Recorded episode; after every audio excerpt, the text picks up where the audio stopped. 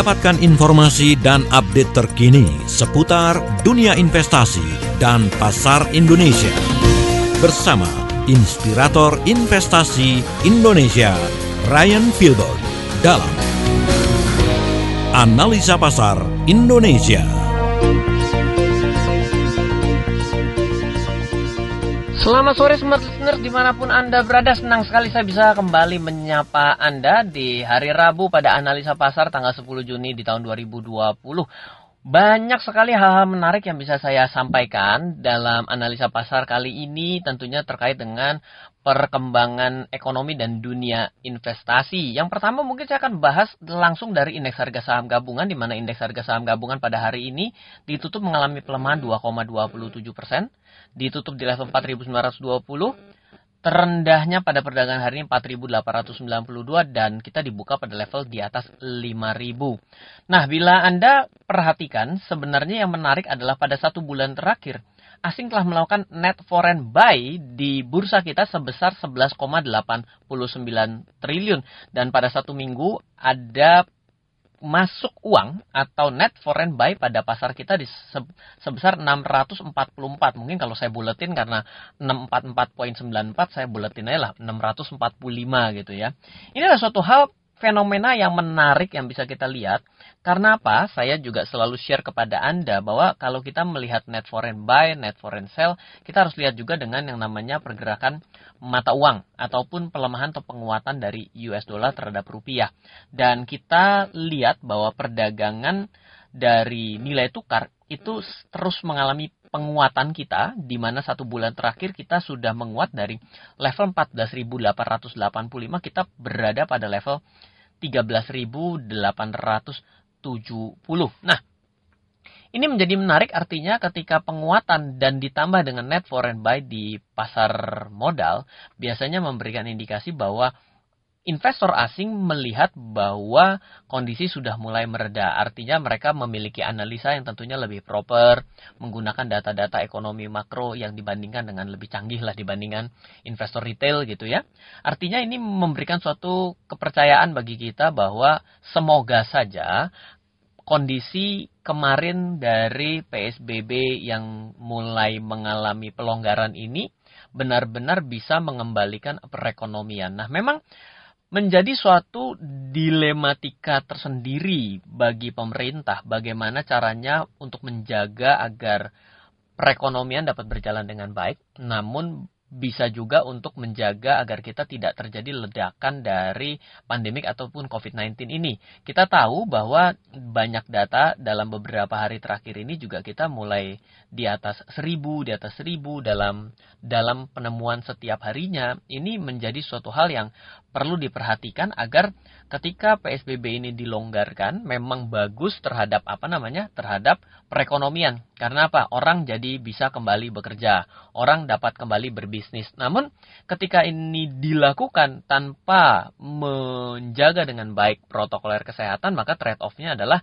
ya pasti secara kesehatan akan menjadi terimpact gitu ya. Jadi memang tidak bisa menyenangkan semua pihak, selalu saya katakan demikian. Jadi hal ini juga bisa uh, kita ketahui bahwa masyarakat ataupun investor asing sudah mulai melihat bahwa dampak secara perekonomian ini langsung tergambar dari penguatan di pasar modal. Nah, saya akan beralih sedikit setelah kita lihat yang namanya indeks harga saham gabungan, maka kita akan geser ya.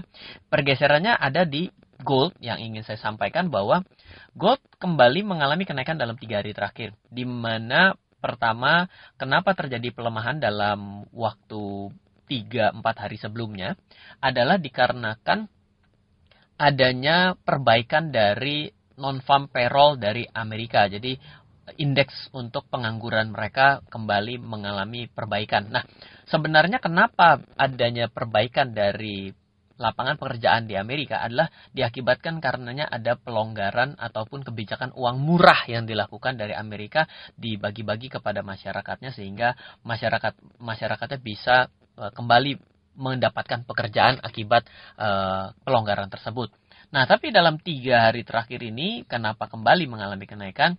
Salah satunya juga eh, ada pembahasan juga bahwa kekhawatiran mengenai penggunaan eh, bunga negatif yang dilakukan ini bisa menjadi suatu perbincangan yang menganggap antara ah ini benar atau salah ya memang yang namanya perekonomian ini kadang-kadang saya kalau siaran gini ya ada yang uh, temen gitu ya mendengarkan dalam dua minggu sebelumnya dia bilang loh Ryan kenapa kemarin bilangnya begini hari ini bilangnya begini? Apa mencela menceli sebenarnya bukan menjadi mencela menceli namun kita harus melihat time frame-nya. Jadi contoh sederhana ya yang saya ingin coba ceritakan kepada anda semua smart listeners dan juga sahabat sonora ketika anda berbicara dengan sudut pandang investasi maka dalam sudut pandang investasi itu memiliki sudut pandang time frame yang panjang Misal, kita berbicara tiga tahun, kita berbicara lima tahun, kita berbicara sepuluh tahun. Dalam berbicara sepuluh tahun, maka kondisi pada hari ini bukannya menjadi menakutkan, tapi justru menjadi menarik. Kenapa? Karena dalam sepuluh tahun diskon-diskon besar itu jarang terjadi. Jadi bisa saja Anda membayangkan ada sebuah barang idaman yang Anda ingin beli, ternyata dalam waktu Anda ikuti harga barang itu, itu harganya selalu cenderung naik, naik, dan naik. Tapi ada saja kondisi barang itu mengalami diskon yang besar. Ada, ada salah satu toko kopi yang membuat sebuah promo dalam waktu beberapa hari terakhir itu biasanya tumblernya tidak didiskon sampai dengan 50% dan ternyata tiba-tiba didiskon 50%. Fenomena yang menarik adalah bagi orang-orang yang yang suka dengan tumbler-tumbler dari si toko kopi ini, itu dihajar habis semuanya. Kenapa? Karena memang dalam sepanjang sejarah jarang sekali melakukan diskon sampai dengan 50%. Nah, itulah disebut dengan sudut pandang investasi. Ketika kita mengenal dengan baik apa yang mau kita beli mengenal dengan baik apa yang kita inginkan sesuai dengan minat kita, maka setiap diskon yang besar ini justru malah menjadi peluang. Nah, artinya kan menjadi tidak sinkron sama orang yang selalu melihat per minggu. Ketika per minggu kan, wah hati-hati nih, lagi turun. Lah iya, yang satu mau omongan 10 tahun, yang satu omongan satu minggu. Akhirnya kita harus bisa, selalu saya kalau membuat sebuah analisa, saya selalu bilang, untuk satu minggu untuk dua minggu, untuk satu tahun. Kenapa? Agar kita mendapatkan, oh, sudut pandang waktunya tuh satu tahun. Oh, sudut pandangnya satu minggu. Sehingga apa yang mau saya coba highlight bagi Anda semua adalah berhati-hati ketika Anda mencoba untuk berbicara mengenai keuangan, investasi, dan bisnis, Anda harus selalu berbicara time frame-mu berapa. Berapa sih sudut pandang kamu terhadap waktu? Oh, ternyata hanya satu minggu. Nah, berarti Anda yang sudah dengan gaya pemikiran satu bulan harus segera mendek-mendekin sudut pandang. Kalau enggak, Anda jadi terlalu lebar. Anda bisa jadi terlalu berani. Ataupun jangan-jangan Anda menjadi orang yang terlalu takut untuk mengambil suatu keputusan. Nah, seperti itu. Nah, ada beberapa isu-isu lagi yang akan kita bahas terkait dengan misalnya minyak dunia ya di mana uh, ada kebijakan bahwa akan terus membatasi dan juga ada kebijakan dari suku bunga kita yang juga baru di kemarin kembali uh, mulai tidak di tidak diturunkan tapi juga tetap dipertahankan menjadi apa yang harus kita lakukan. Lalu juga dengan adanya um, isu baru ya yang disebut dengan kita harus ada uh, tapera gitu ya. Bagaimana kita menyikapinya dari sebagai pelaku uh, bisnis dan juga punya perusahaan ataupun Anda juga menjadi seorang pekerja bagaimana yang bisa kita hadapi. Nah, kita akan coba bahas lagi di dalam sesi selanjutnya dan kita akan break sejenak dulu. Saya ingatkan kepada Anda, bila Anda mau belajar, saya mau sharing kepada Anda mengenai dua hal. Yang pertama adalah mengenai belajar investasi selama 30 hari. Saya selalu sharing kepada Anda bila Anda mau. Dan yang kedua adalah saya membuat kelas khusus mengenai reksadana dengan penurunan saham dan juga obligasi pada saat ini surat utang. Reksadana menjadi salah satu kendaraan yang Anda tidak perlu kelola, uh, dikelola oleh manajer investasi menjadi suatu instrumen yang menarik Bila Anda mau mendapatkan sharingnya dan juga mengikuti kelasnya, Anda bisa kirimkan nama, email, nomor handphone, kota domisili diawali dengan subjeknya adalah AP analisa pasar ke 0812 11 12 959 dan setelah acara talkshow ini selesai maka akan dihubungi oleh tim saya. Sekali lagi 0812 11 12 959. Kita akan kembali setelah jeda berikut. Tetaplah bersama kami dalam talkshow interaktif Analisa Pasar Indonesia.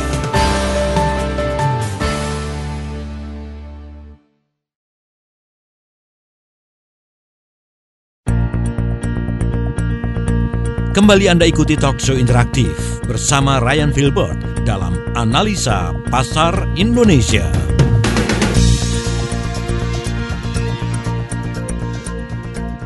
Ya, kita kembali lagi smart listener dan juga sahabat Sonora yang mungkin baru saja bergabung. Anda selamat sore dan semoga bila Anda sudah mulai beraktivitas, pastikan Anda juga terus mengikuti protokoler kesehatan.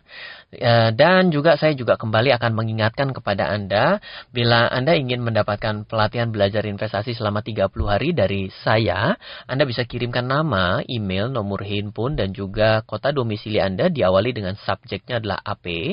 Anda bisa kirimkan ke 0812 11 12 959. Nah, mungkin ada yang bertanya sebenarnya, e, Mas Ryan kalau belajar investasi itu diajarin saham ya. Nah, ini adalah pandangan yang sangat salah bahwa yang namanya investasi itu melulu mengenai saham, melulu mengenai reksadana. Ada banyak sekali instrumen investasi yang bisa Anda miliki dalam hidup Anda.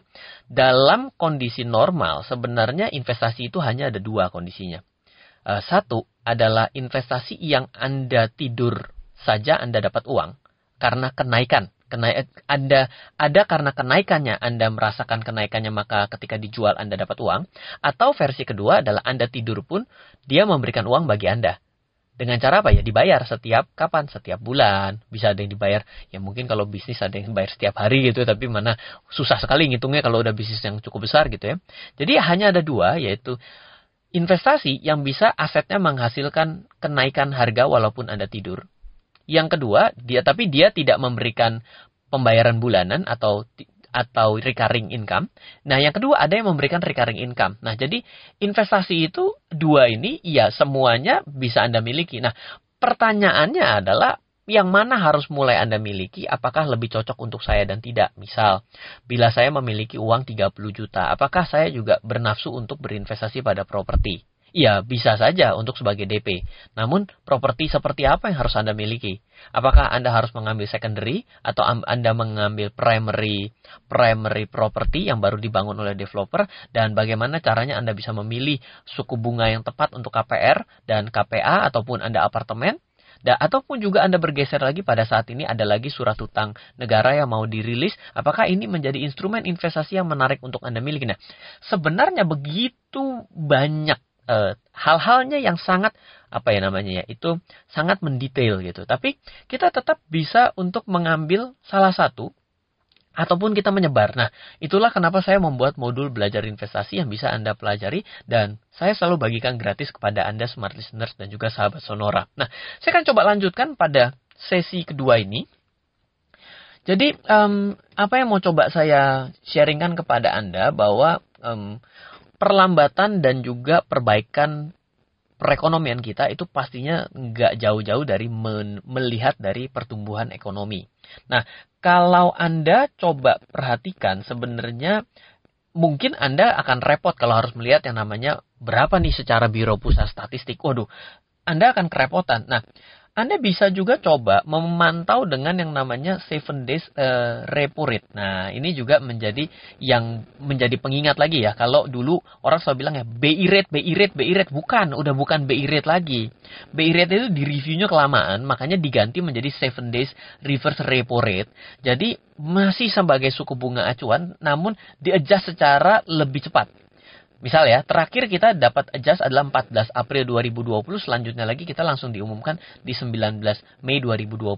Nah, kita berada dalam 3 kali 4.5. Jadi 4.5 persen kita setelah mengalami penurunan dari 5 persen, selanjutnya langsung turun di next month-nya di 4.75, lalu langsung turun lagi di bulan selanjutnya di 4.5. Nah, apa yang dapat kita lihat artinya adalah penurunan suku bunga adalah perlambatan ekonomi. Itu bisa kita katakan seperti itu. Loh, apa sih maksudnya Ryan gini?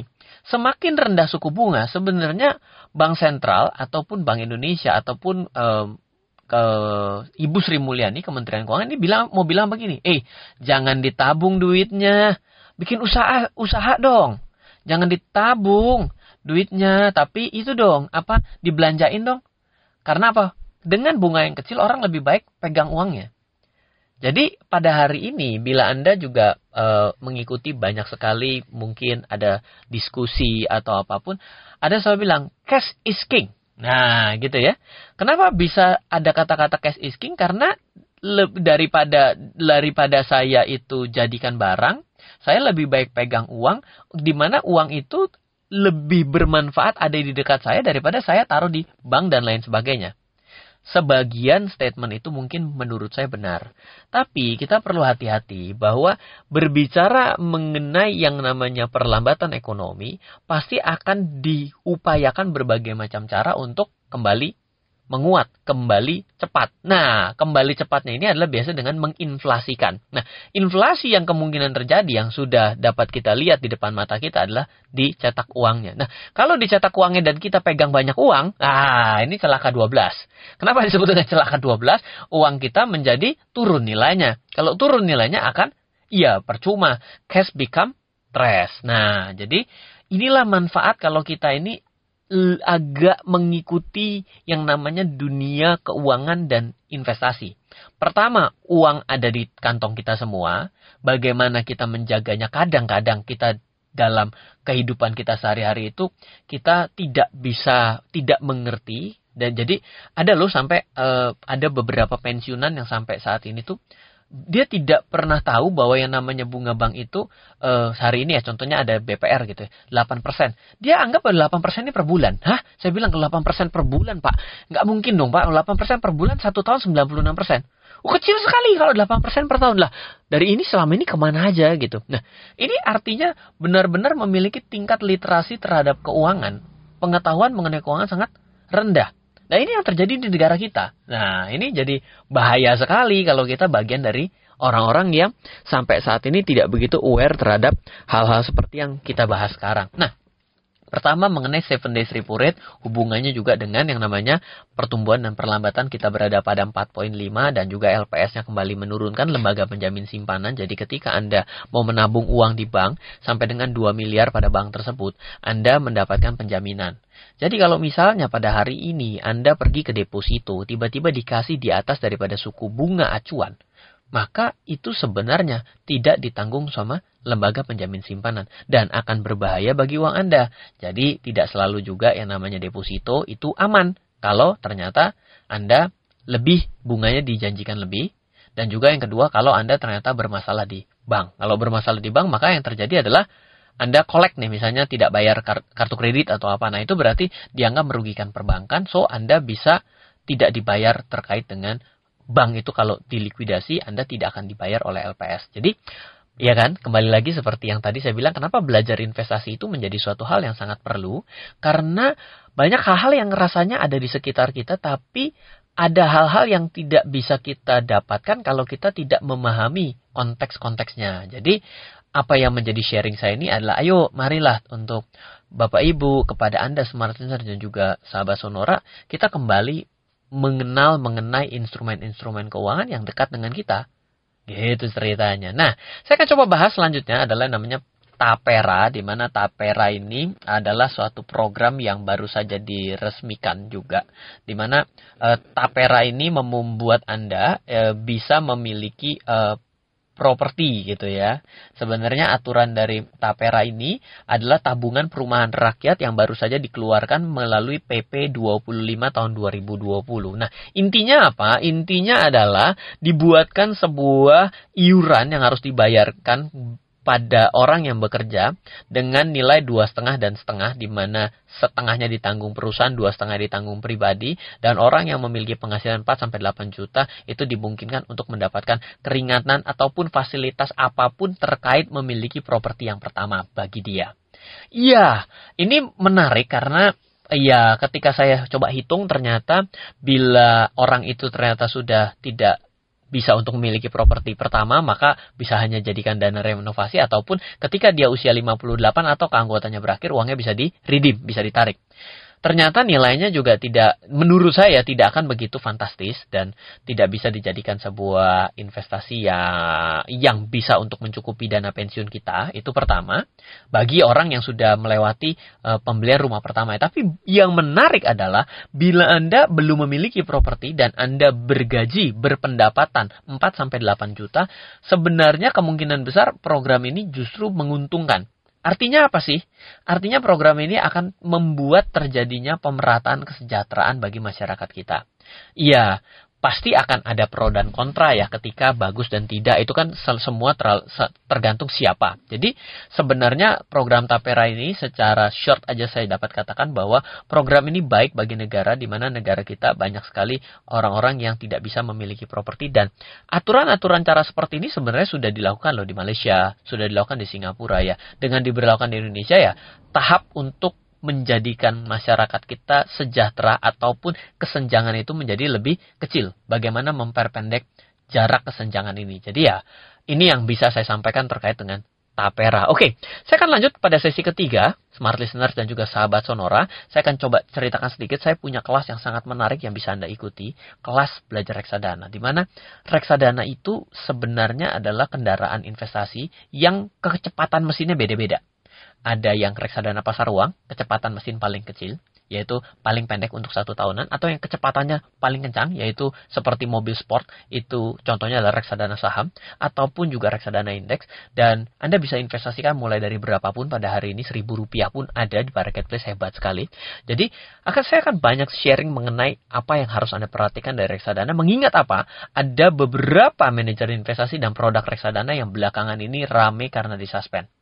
Dan artinya bagaimana cara kita menghindari, meskipun sudah diawasi ternyata masih ada yang bermasalah, bagaimana kita terhindar dari yang seperti itu. Bila Anda mau mendapatkan informasi lebih lanjut, dan juga Anda mau mendapatkan modul belajar investasi selama 30 hari dari saya secara cuma-cuma, Anda bisa kirimkan nama, email, nomor handphone, kota domisili, dan ditambahkan depannya subjek AP, kirimkan ke 0812 11 12 959. Kita akan kembali setelah jeda berikut. Tetaplah bersama kami dalam talk show interaktif Analisa Pasar Indonesia.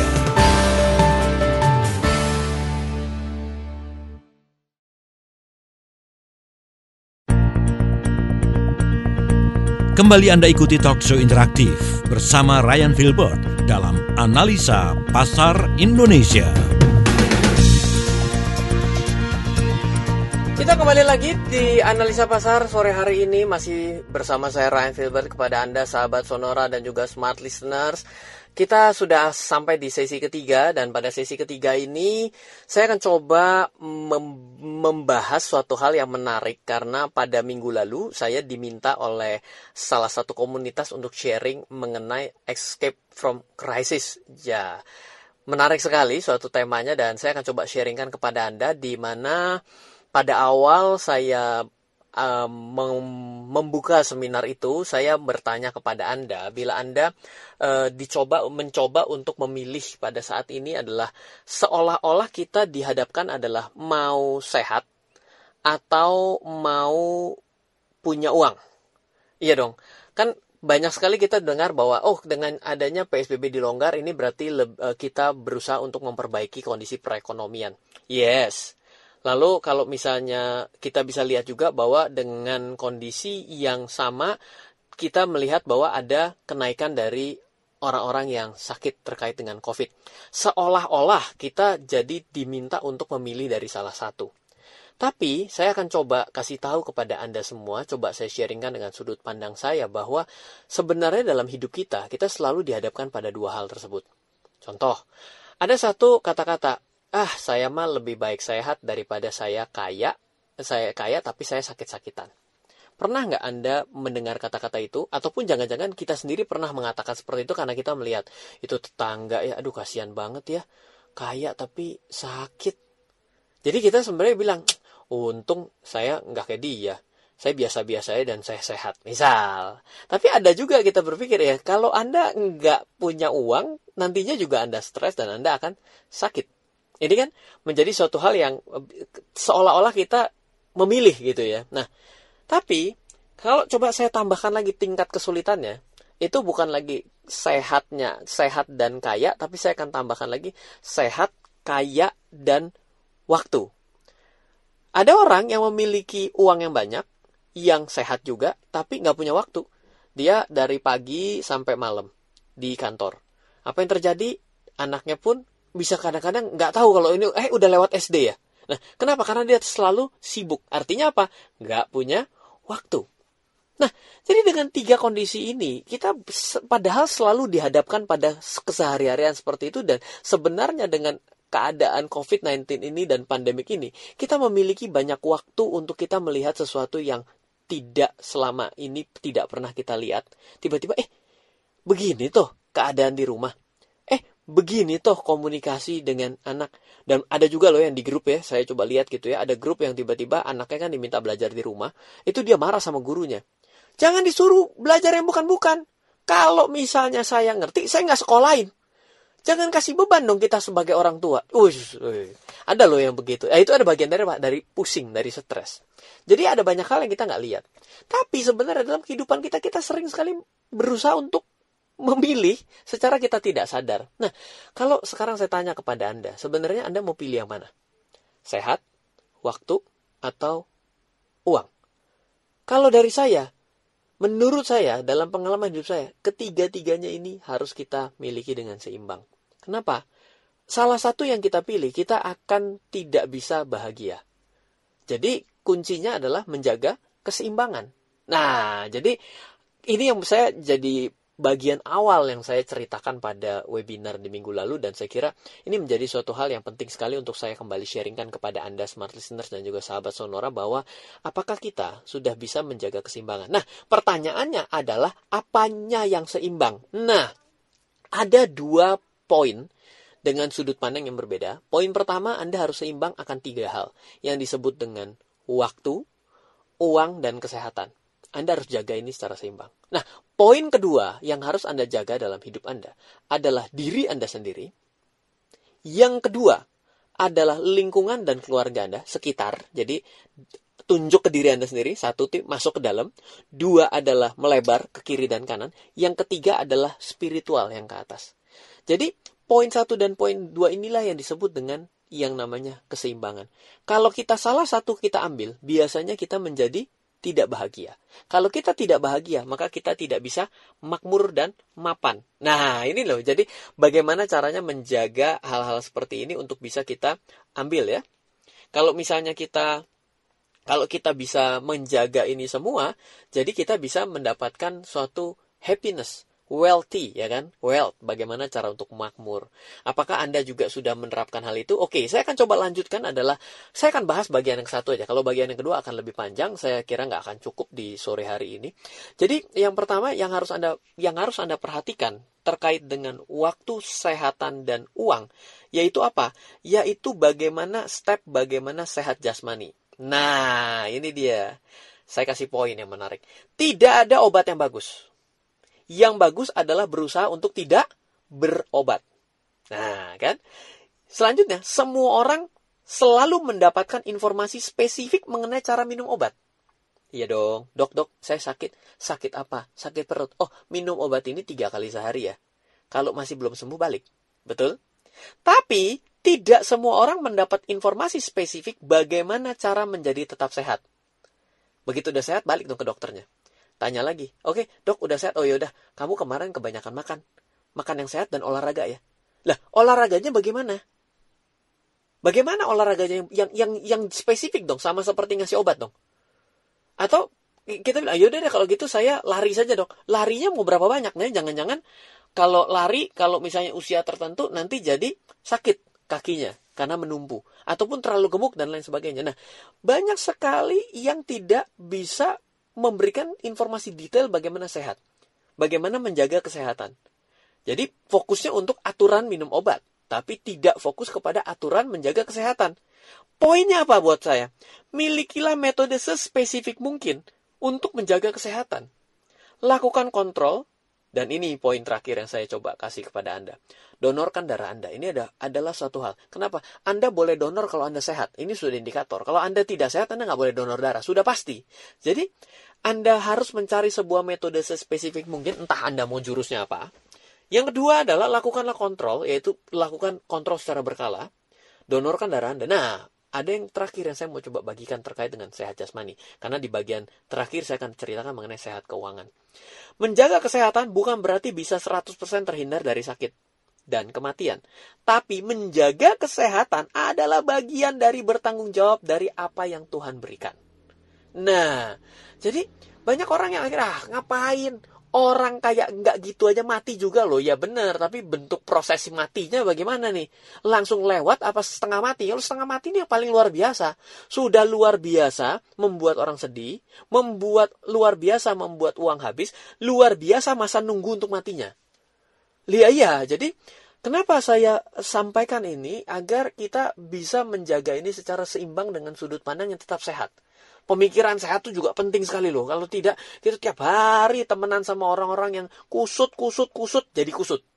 Gitu. Jadi, ini adalah poin yang bisa saya sampaikan terkait dengan uh, escape from crisis, yaitu pada poin kesehatan. Kita akan lanjut pada sesi selanjutnya. Bila Anda mau mendapatkan pelatihan belajar investasi selama 30 hari dari saya dan saya mau sharing Anda mengenai kelas reksadana yang saya buat di bulan Juni dan Juli. Bila Anda berminat dan Anda mau belajar, Anda bisa hubungi ke 0812 11 12 959 0812 11 12 959 dengan cara mengirimkan nama, email, nomor handphone, kota domisili dan dengan subjeknya AP analisa pasar. Kita akan lanjut di sesi selanjutnya.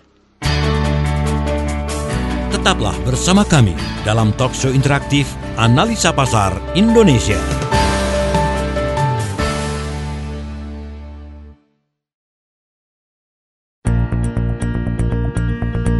Kembali Anda ikuti talk show interaktif bersama Ryan Filbert dalam Analisa Pasar Indonesia.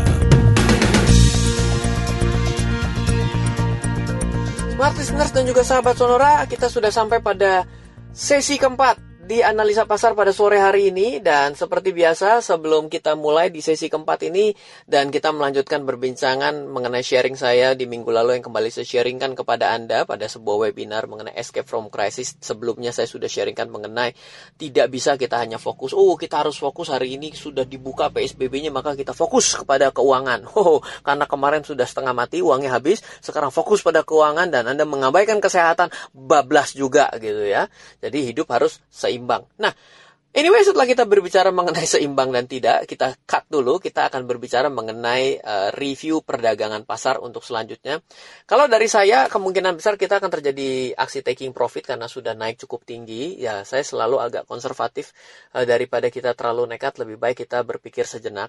Jadi uh, bukan artinya juga Anda, ah ya udah kalau gitu saya jangan masuk dulu. Anda selalu salah dalam menginterpretasikan hal tersebut. Kalau selalu mengambil sudut pandang yang tidak pernah diketahui. Anda anda ini mau ngapain. Anda mau dagang. Kalau Anda dagang hari ini harga sudah mahal, ya Anda jual. Tapi kalau Anda mau investasi, harga hari ini dibandingkan harga satu setengah tahun yang lalu, harga hari ini sangat murah. Ya berarti Anda beli. Dalam kondisi yang sama, itu bisa melahirkan dua keputusan yang jauh berbeda dan kontras, yaitu beli dan jual. Karena apa? Karena berbeda sudut pandangnya. Jadi kalau saat ini bagi seorang trader atau orang-orang yang ingin bermain dengan mingguan, maka apa yang bisa menjadi view-nya adalah please hati-hati, market bisa saja terjadi koreksi di mana Amerika pun bursa Amerika juga dalam fase yang cukup tinggi harganya, just be careful terhadap portofolio trading Anda. Kalau investasi, keep selective buy di mana ada saham yang memang bagus dan banyak perusahaan-perusahaan yang tetap beroperasi bagaimana melakukan pivot point dalam kondisi hari ini dan itu adalah suatu cara yang baik sekali bisa kita lihat karena memang ada yang namanya new normal. New normal inilah apakah new normalnya sudah diadopt terhadap bisnis dan usaha kita.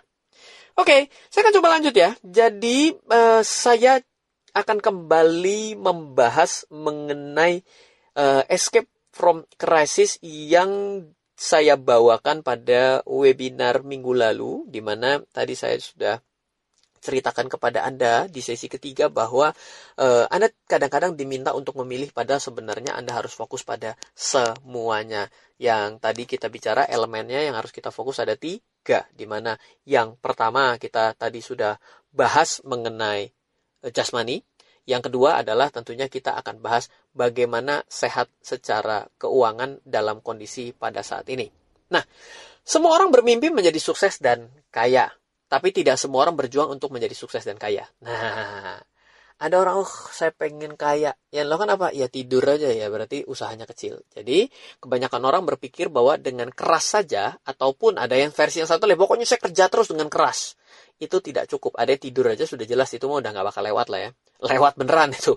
Nah, kalau misalnya Anda misalnya berbicara mengenai, oh yang penting saya kerja keras terus, hati-hati. Anda harus kerja keras dan cerdas. Nah, step sehat keuangan yang pada sore hari ini akan saya remind kembali kepada Anda adalah Anda harus lakukan yang namanya lima langkah. Dihitung, dikurangi, ditambah, diungkit, diulang. Sekali lagi, step sehat keuangan yang harus Anda lakukan dalam hidup Anda. Bila hari ini Anda ternyata merasa hidup Anda tidak sehat, biasanya hidup tidak sehat secara keuangan itu terlihat dengan tidak berani membuka rekening cek saldo di ATM. Itu udah ciri-ciri paling depan itu orang kagak bisa, pasti nggak sehat secara keuangan. Jadi, step sehat keuangan adalah dihitung, dikurangi, ditambah, diungkit, diulang. Apa maksudnya dihitung? Hitung berapa besar pendapatan dan pengeluaran Anda. Setidak stabil tidak stabilnya pun harus dihitung dan silakan dirata-rata. Selanjutnya, disebut sehat bila pengeluaran adalah 50% atau kurang dari pendapatan. Pengeluaran di luar hutang, amal, dan investasi. Jadi, yang maksudnya pengeluaran 50% itu adalah pengeluaran di luar hutang, amal, dan investasi. Nah, ini kelanjutannya. Hutang kurang dari 30% dari pendapatan Anda disebut sehat keuangan. Punya uang simpanan 6 kali dari pengeluaran. Sekali lagi, anda akan sehat kalau Anda saat ini sudah punya simpanan 6 kali dari pengeluaran, lebih makin bagus. Punya investasi yang bisa tidur pun harganya naik. Ah, tadi kan saya sudah kemukakan ya pada sesi awal ya. Yang kedua adalah punya investasi yang bersifat cash flow, yang tidur pun uangnya datang. Yang terakhir, perhatian khusus. Asuransi bukan investasi, tapi masukan sebagai biaya bulanan Anda. Lalu, kan tadi rule pertama namanya apa? Dihitung. Yang kedua adalah dikurangi. Kalau sudah tahu tidak sehat, dia dikurangi. Termasuk kurangi hutang. Setelah lewat fase dikurangi, maka ditambah. Kalau sudah tahu setelah dikurangi tidak cukup, maka Anda harus nambah. Nambah apa? Nambah pemasukan. Lebih banyak bekerja, lebih banyak jualan, lebih banyak berinvestasi, lebih banyak berusaha. Lebih banyak doa udah pasti, jangan ditanya lagi. Selanjutnya setelah Anda mampu menambah, maka Anda harus mengenal dongkrak atau disebut dengan mengungkit. Di mana mengungkit itu fokus pada investasi terhadap tiga hal. Yaitu pertama, aset yang tidur pun harganya naik, aset yang tidur pun uangnya datang, yang terakhir ini yang miss kadang-kadang. Aset intangible, artinya apa? Yang harganya gelap, hasilnya tinggi. Contoh, pertemanan dan ilmu. Anda terus belajar. Keep learning. Hari ini orang banyak dipaksa belajar mengenai teknologi. Pertemanan. Dengan siapa Anda berteman, Anda akan jadi apa? Jadi bagian keempat adalah diungkit. Jadi kita harus ada pengungkitnya. Pengungkit adalah investment. Investment ada tiga hal. Nah, jangan lupa setelah Anda mendapatkan yang terakhir, yang dilakukan adalah diulang. Semua atas sampai bawah diulang terus.